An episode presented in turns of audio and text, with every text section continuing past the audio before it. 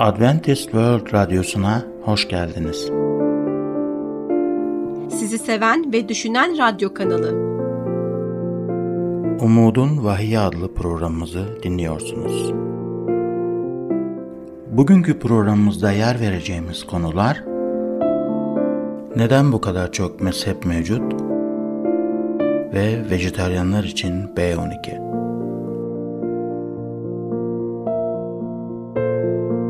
Değerli dinleyicilerimiz, programımıza hoş geldiniz. Geçen sefer neden birçok mezhep olduğundan ve vahideki mühürlerden bahsetmiştik. Bugün aynı konuyla devam edeceğiz. Bu konuda aklınıza takılan her türlü soruyu yanıtlamaktan mutluluk duyacağımız için lütfen WhatsApp numaramız olan artı 357 99 786 706 üzerinden bize yazın. Dördüncü mührün ölü inanç olduğunu kutsal kitaptan anlıyoruz. Beyaz at saf bir inançtı. Kırmızı at kanla lekelenmiş bir inançtı. Siyah at taviz verilmiş bir inancı. Soluk at ise ölü bir inancı temsil ediyor. Vahiy kitabının dört atlısı, Orta Çağ'daki bir kilise ve devlet birliği olduğunu söylemişti. Kilise buyrukları kutsal kitabın öğretilerinin yerini aldı. Karanlık çağlarda sadık Hristiyanlar zincirlenip yakıldıkları kazıklara doğru yürüdükleri görüyoruz. Çünkü onlar kutsal kitaba sadık kaldılar.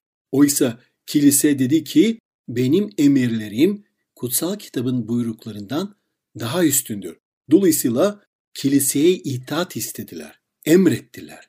Bu dönemde Hristiyan öğretişlerinden taviz verenler kiliseye aşağı çekti. Tanrı'nın sözü yerine insan gelenekleri üretildi. İsa Mesih'in lütfunun yerini günah bağışlamak için papazların önerdiği kefaretler yer aldı. Günahların kilise tarafından bağışlanması diye bir şey çıkarttılar.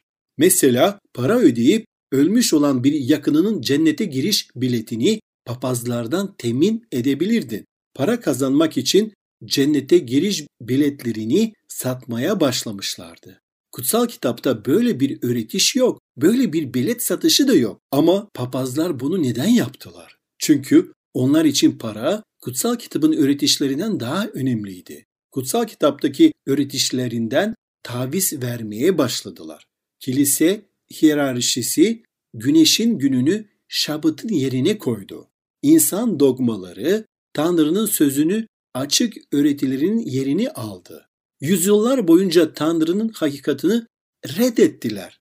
Peki Tanrı'nın hakikati sonsuza dek ezilebilir miydi? Gerçeğin ışığı bunca şeyden sonra bir daha parlar mıydı? Tanrı'nın sözü bir daha kilisenin temeli olabilir miydi? Bu soruları sorduysanız şunu dinleyin. Kutsal kitapta Yahuda 3. ayette şöyle diyor. Sevgili ortak kurtuluşumuzla ilgili olarak sana yazmak için çok gayret gösterirken bir zamanlar azizlere teslim edilen inanç için sizi ciddiyetle mücadele etmeye teşvik eden bir mektup yazmayı gerekli buldum.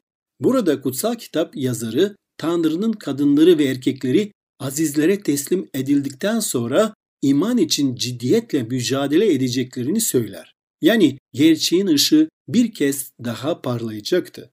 Tanrı sözüne sadık kalacak cesur insanları kullandı. Bu gruplardan biri de Valdezyanlardı. Onlar Kuzey İtalya ve Güney Fransa'da yaşayan kutsal kitaba inanan Hristiyanlardı. O dönemin popüler kilisesi yani devlet kilisesi Valdezyanlara hor gördü. Hatta acımasızca onlara zulmettiler. Bu yüzden Valdezyanlar Alp dağlarına kaçtılar. Birçok yerde Valdezyanlar gizli köyler kurdu. Bu köylerin kalıntılarından bazıları bugün bile hala mevcut. Bu köyler yıllar önce Tanrı'nın sözüne sadık kalan kadın ve erkeklerin yaşadığı yerdir. Onlar zihnimiz Tanrı'nın sözüne tutsaktır dediler. Bu Valdezyan gençleri Tanrı'nın sözünü inceliyorlardı. Kutsal kitabın kopyalarını çıkartıyorlardı. Daha sonra öğrenci ya da seyahat satıcı olarak Avrupa ülkelerine ve şehirlerine gidiyorlardı. Orada kutsal kitabı insanlara ulaştırmaya çalışıyorlardı. Tanrı sözünü öğretip öğrenciler yetiştirmeye çalışıyorlardı. gizlice kutsal kitap okulları açıyorlardı. Valdezyanlar sadece ve sadece kutsal kitabın gerçeğinden bahsediyorlardı. Sadece ve sadece Tanrı'nın sözüne itaat edilmesi gerektiğini gerçeğine vurgu yaptılar. Böylece Tanrı çeşitli insanları yetiştirmeye başladı. Prag, Çekya'da Katolik bir rahip olan Jan Hus isimli birisi kutsal kitabı incelemeye başladı ve incelerken insana itaat değil, Tanrı'ya itaat benim sloganımdır dedi. Sonuç olarak Hus, Prag şehir meydanındaki kazıkta yakıldı. Hus, hayatını Tanrı'ya itaat etmeye adamış cesur bir iman kahramanıydı. Baylar ve bayanlar, ben de Valdizyanlarla birlikte kutsal kitabın saf gerçeğe giden rehberimiz olduğunu inanıyorum. Kilisenin geleneklerine değil, Yahuz'la birlikte Tanrı'ya itaat etmenin tek sloganımız olduğunu da inanıyorum. Tanrı, Tanrı'nın güçlü bir adımı olan başka bir Katolik rahip yetiştirdi. Bu da Martin Luther. Evet, Martin Luther inanç sorunları ile boğuşurken Roma'yı ziyaret etti. Suçun hayatını mahvettiğini hissetti. Huzur bulmak için ünlü Pilatus'un merdivenlerini dizlerin üzerinde tırmanarak da Yahuz dahil olmak üzere günah bağışlamak için birçok kişiye önerilen kefaretlerden birini yaptı. Ancak İsa'nın Pilatus'a yaklaştığında çıktı sözde merdivenleri çıkarsam huzur bulabilirim diye düşündü. Luther eve döndüğünde hala suçluluğun baskısını hissediyordu. Haç ve bu kefaretlerinin tümü değersizlik hissini ortadan kaldırmamıştı. Sonra ise Romalılar kitabında 1. bölüm 17. ayetteki o ünlü sözleri okudu. İmanla aklanan yaşayacaktır diyor kutsal kitap. Elçiler İşleri 4.12'de ise başka hiç kimsede kurtuluş yoktur. Bu göğün altında insanlara bağışlanmış bizi kurtarabilecek başka hiçbir ad yoktur dediğini gördü. O İsa'yı güçlü bir kurtarıcı olarak yeniden keşfetti. Luther şaşırmıştı. Sonunda hayatında huzur bulmuştu. Rab aracılığıyla başarılı olmuştu. Martin Luther ile birlikte ben de kurtuluşun bizim elimizdeki işlerle ya da yaptıklarımızla değil, İsa'nın çarmıkta bizim için yaptıklarından dolayı olduğunu inanıyorum. Kurtuluşun sadece lütufla geleceğine inanıyorum. Çünkü öyle olmazsa gerçeğin ışığı karınlığa nüfus ederdi. Birinci asırdaki kilisenin ilk imanları saf lekesiz bir inanca sahiplerdi. Beş asır boyunca bazı Hristiyanlar sürekli kutsal kitabın öğretişlerinden tavizler verdiler. Buna rağmen Tanrı'ya sadık olan imanlılar kutsal kitabı okuyup gerçekleri fark ettiler. Tanrı ona sadık olan Hristiyanları kullandı. Onlara yavaş yavaş kutsal kitap gerçeklerini açıkladı. Tabi kutsal kitabın unutulan gerçekleri, kavramları zaman aldı. Tanrı bir ışığı bir anda yakmaz ve gerçeği bir anda aklımıza getirmez. Tanrı yavaş yavaş gerçeği geri getirmeye başladı. 1300 ve 1400'lerde Valdezyan halkını kullandı. Daha sonra Yanhus ve devamında Martin Luther gibi Hristiyanları kullandı. Her biri Tanrı'nın halkını kutsal kitabı daha fazla anlamamıza sağladı. Neden bu kadar çok mezhep olduğunu biliyor musunuz? Çünkü Valdezyanlar oldukları yerde durarak yalnızca ve yalnızca kutsal kitap gerçekleri dediler ve kutsal kitabın öğretilerini incelemeye devam etmediler.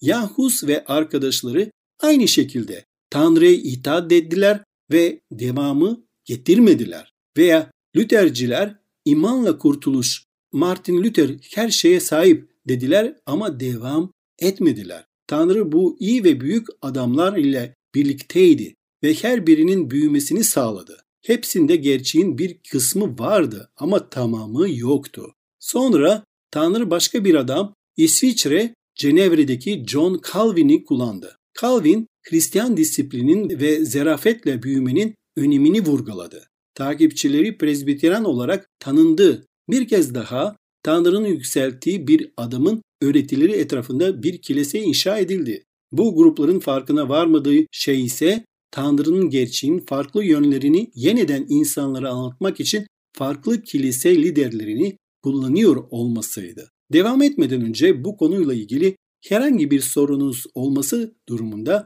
WhatsApp numaramız olan artı 357 99 786 706'yı hatırlatmak istiyorum. John Robinson bir prensibi anladı. Evet John Robinson Mayflower gemisiyle yeni dünyaya yolculuğu organize eden ve aynı zamanda Puritan hacılarının papazıydı. Yolculuğu kendisi yapmadığı için onlara şöyle uyarılarda bulundu. Tanrı size başka herhangi bir enstrüman yani başka bir gerçek reform hareketini herhangi bir şeyi açığa çıkarması gerekiyorsa onu her zamanki gibi gerçeğe hizmet olarak almaya hazır olun. Çünkü Rabbin kutsal sözünden çıkacak daha fazla ışığa ve gerçeğe sahip olduğundan çok eminim. Tanrı kiliseye yüzyıllar boyunca liderlik ediyordu ve amacı Hristiyanların daha fazla hakikate kavuşmasıydı. Doğal olarak Rab aynen birinci asırdaki gibi kilisesinin saf olmasını istiyordu. Bunun için reformcular aracılığıyla bilgi ve daha fazla ışık vermeye başlamıştı. Rab bahsetmiş olduğumuz reformcuların ötesine geçmek istedi. Rab kilisesinin asırlar boyunca kaybettiği tüm gerçeği geri getirecekti. Mesela Martin Luther'in o dönemde hala bebeklerin vaftizine inandığını biliyor muydunuz? Kutsal kitaba aykırı olmasına rağmen Luther bebek vaftizine inanıyordu. Değerli dinleyicimiz, kutsal kitapta bebek vaftizi var mıdır? Hayır tabii ki, yoktur. Bebek vaftizi kutsal kitapta yoktur. Mesih'in vaftiz hakkında sözleri baptistler ya da ana baptiz hareketine kadar dikkatlerini çekmemişti. Matta 28, 19 ve 20'de şöyle diyor. Bu nedenle gidin bütün ulusları öğrencilerim olarak yetiştirin. Onları baba, oğul ve kutsal ruhun adıyla vaftiz edin. Size buyurduğum her şeye uymayı onlara öğretin. İşte ben dünyanın sonuna dek her an sizinle birlikteyim. Amin. İsa git insanlara müjdeyi öğret dedi. Mesih'i kabul ettiklerinde, onun sözünün öğretilerini kabul ettiklerinde onları vaftiz edin diyor. Derken Tanrı John Wesley adında başka bir adam yetiştirdi. Wesley kilisenin standartlarının düştüğünü görmüştü.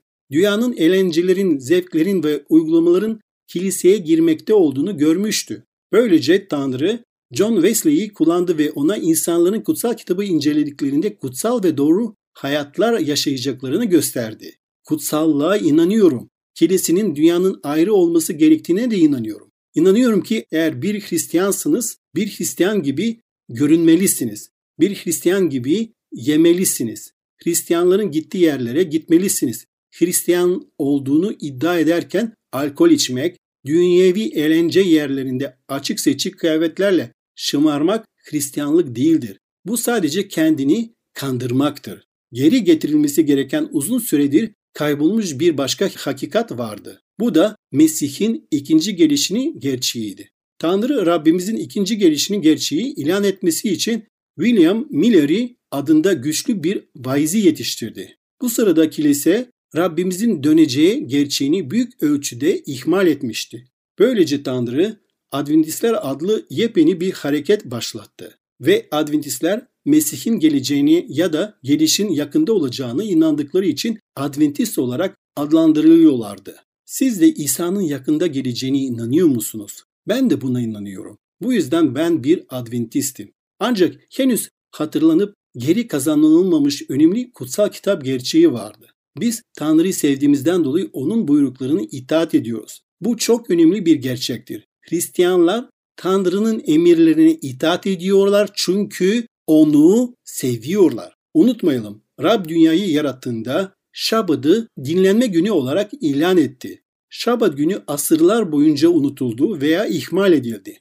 Mesih'in yaratıcı otoritesinin bir sembolü olarak Şabat gününün tekrar eski yerini alması gerekiyordu. Mesih, Tanrı'nın emirlerini çiğnendiği bir zamanda Tanrı'nın on emri hakkında gerçeği nihayet geri getirecek bir son gün hareketi başlatacaktır. Tanrı'nın tanrimatlarını İsa aracılığıyla ciddiye alacak bir son gün hareketi. Yuhanna 14-15 Beni seviyorsanız buyruklarımı yerine getirirsiniz diyor. İsa vahiy kitabında ana hatları çizilmiş olan bir son gün hareketi olacağını söylüyor. Tanrı tüm insanlığı göğü ve yeri denizi ve su pınarlarını yaratana ibadet edin diyor. Ve bizi bu şabat gününe doğru çağırıyor. Tanrı tüm insanlığı yaratana ibadet etmeye geri çağıracaktır.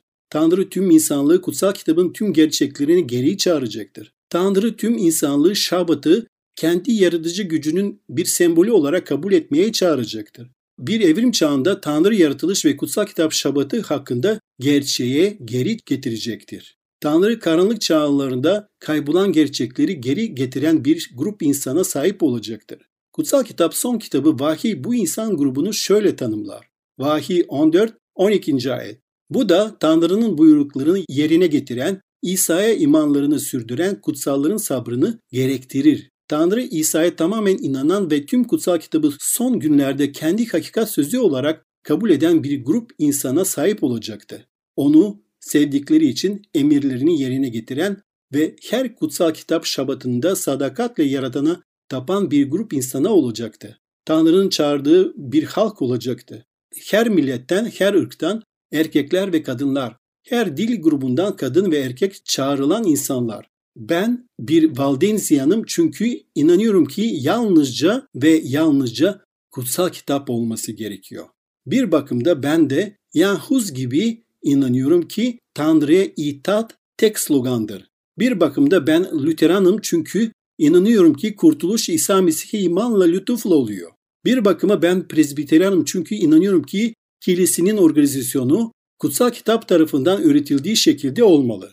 Bir bakıma ben bir baptizm çünkü inanıyorum ki vaftiz suya tamamen batıp çıkarak olmalı. Bir bakıma metodistim çünkü inanıyorum ki Tanrı bizi kutsallığa çağırıyor. Ben bir adventistim çünkü Mesih'in ikinci gelişine inanıyorum. Ve son olarak ben yedinci gün adventistim çünkü yedinci gün olan kutsal kitap şabadına inanıyorum. Ve Tanrı'nın vahiy kitabında insanları çağırdığı bir grubu olduğuna inanıyorum. Bugün Tanrı alışılmadık bir şey yapıyor.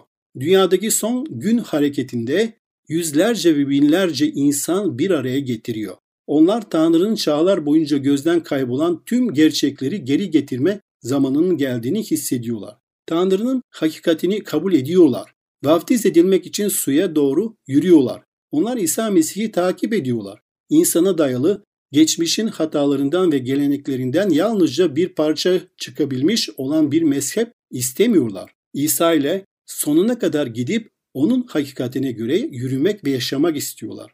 Değerli dinleyicimiz, Tanrı'nın siz bu radyo programını bir nedenden dolayı getirdiğine inanıyorum. Ve bugün o sana diyor ki, çocuğum bu senin kader anın, bu senin fırsat zamanın, bu gerçeği izle. Peki siz bugün İsa'ya Tanrım teşekkür ederim bu gerçeği takip etmek istiyorum demek ister misiniz? Çünkü ben Rabbe evet diyorum. Siz ve sevdiklerinizin de Rab İsa geldiğinde cennette olmasını diliyorum. Bugünkü bölümle ilgili herhangi bir sorunuz varsa ya da İsa'ya kalbinizi açıp onu Rabbiniz olarak kabul etmek istiyorsanız ve özel bir duaya ihtiyaç duyuyorsanız lütfen hiç çekinmeyin ve hemen bize WhatsApp numaramız olan artı 357 99 786 706'dan veya e-mail adresimiz olan radyo.umuttv.org adresinden ulaşın. Sizi bekliyoruz. Bugünkü konumuzun sonuna geldik. Şimdi sağlıkla ilgili konumuzla programımıza devam edeceğiz. Bizi dinlemeye devam edin. Görüşmek üzere. Adventist World Radyosu'nu dinliyorsunuz. Sizi seven ve düşünen radyo kanalı.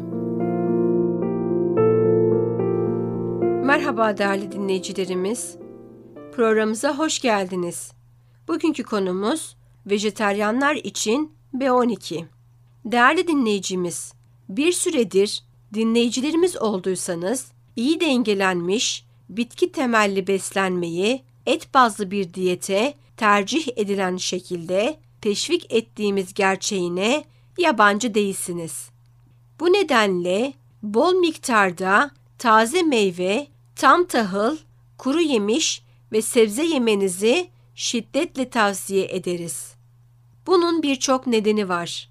Yaşam kalitesi, dejeneratif hastalıkların önlenmesi ve tersine çevrilmesi, çevrenin korunması ve hayvan yaşamına saygı gibi alanlarda pek çok faydası vardır. Binlerce ve binlerce çalışma böyle bir diyetin büyümekte olan çocuklar ve ergenler, hamile ve emziren kadınlar, el işçileri ve sporcular dahil olmak üzere insanlar için ihtiyaç duyulan tüm besinleri sağlayabileceğini doğruladı. Devam etmeden önce bu konuyla ilgili herhangi bir sorunuz olması durumunda artı 357 99 786 706 olan WhatsApp numaramızı sizlere hatırlatmak istedim. Vejeteryan olma kararı, sağlıklı beslenmenin ilkeleri tam olarak anlaşılmadan ve öğünlerimizi dikkatli bir şekilde planlamadan dikkatsizce alınmamalıdır. Ayrıca sağlık durumumuzu düzenli olarak kontrol etmek ve herhangi bir değerli besin eksikliğine veya işlevsel bozukluğa dikkat etmek gerekir. Bitki bazlı diyetle ilgili olarak sık sık sorulan bir soru var. Gerekli B12 vitamini alımını sağlayıp sağlayamayacağı. Bu çok meşru bir endişedir. Çünkü B12 vitamini gübre kontaminasyonu dışında toplam bitki bazlı bir diyette bulunmaz. Bazıları tarafından vegan olarak adlandırılan toplam bitki bazlı bir diyet tüketenlerin B12 takviyeleri kullanmaları şiddetle tavsiye edilir ve yaygın olarak uygulanır. Yalnızca B12 ile güçlendirilmiş soya sütü süt ürününe eşdeğerdir. Takviye edilmemiş soya sütleri süt muadili olarak sayılmaz. Son 40 yıldır vejeteryanların sağlık durumuna ilişkin saygın bir bilgi kaynağı Amerika Birleşik Devletleri, Kaliforniya'daki Loma Linda Üniversitesi'nde yürütülen Adventist sağlık çalışmasıdır.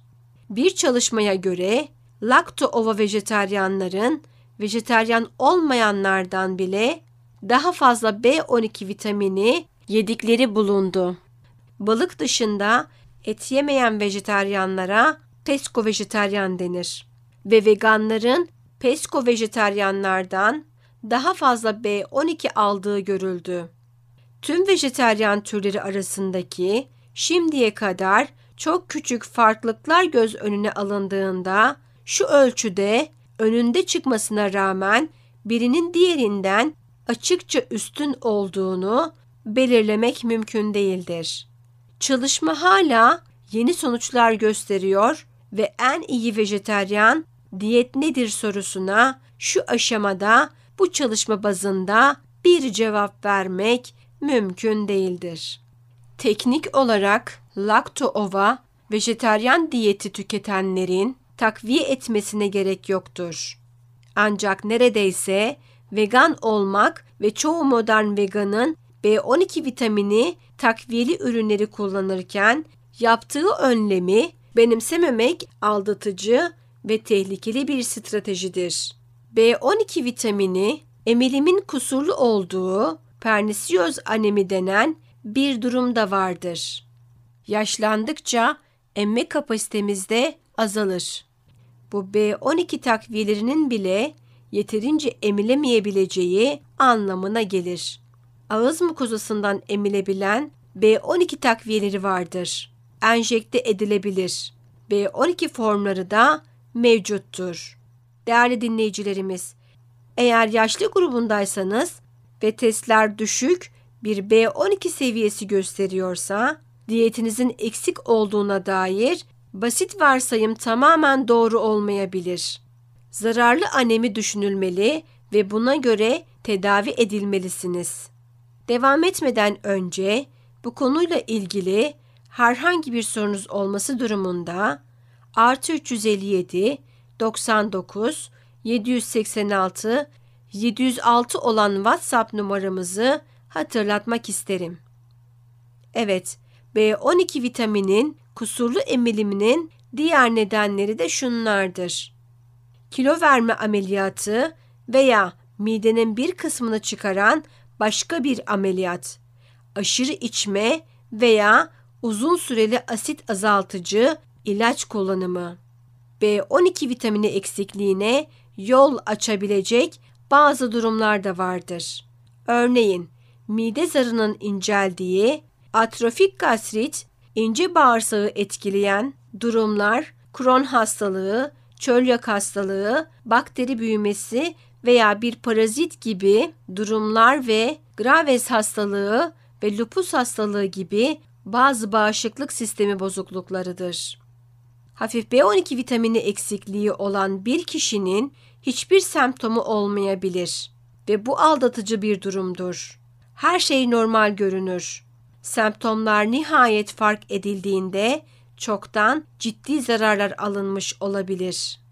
Tipik olarak B12 eksikliğinin semptomları şunlardır. Zayıflık, yorgunluk veya baş dönmesi, kalp çarpıntısı ve nefes darlığı, soluk ten, tatlı dil, kabızlık, ishal, iştahsızlık veya gaz, uyuşma veya karıncalanma, kas güçsüzlüğü ve yürüme sorunları gibi sinir sorunları, görme kaybı, depresyon, hafıza kaybı ve davranış değişiklikleri gibi zihinsel sorunlardır.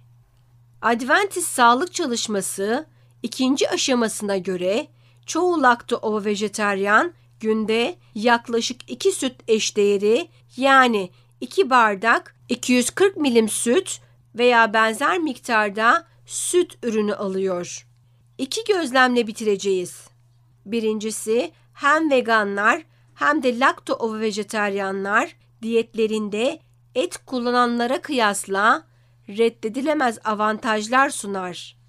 Her ikisinin de B12 vitamini alımını ve emilimini dikkatle izlemesi gerekir. İkinci olarak da vejeteryan diyetin diğerine üstünlüğü tartışmasına odaklanmak faydasızdır.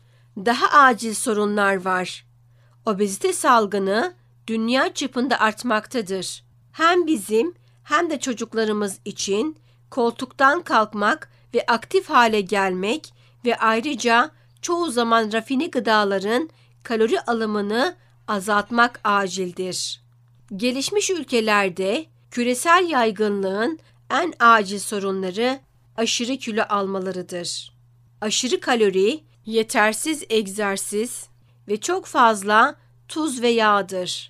Bütün işlenmemiş gıdaların çeşitliliğine ve yeterliliğine odaklanan basit yeme yaklaşımı önerilir.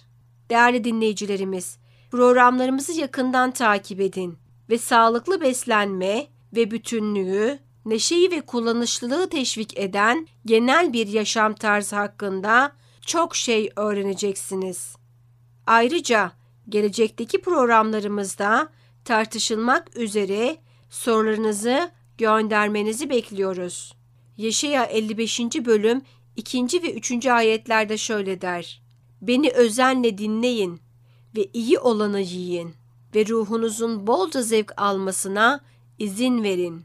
Evet değerli dinleyicilerimiz, bugünkü konumuzla veya sağlıkla ilgili herhangi bir sorunuz varsa WhatsApp numaramız olan artı 357 99 786 706'yı veya radyo.umuttv.org adresinden bizlere ulaşabilirsiniz.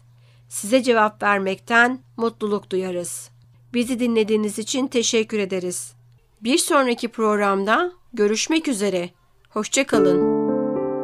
Gelecek programımızda yer vereceğimiz konular Vahiy kitabındaki kader hareketi ve ortalama sağlık. Bugünkü programımızın sonuna geldik. Bir dahaki programda görüşmek üzere. Hoşçakalın.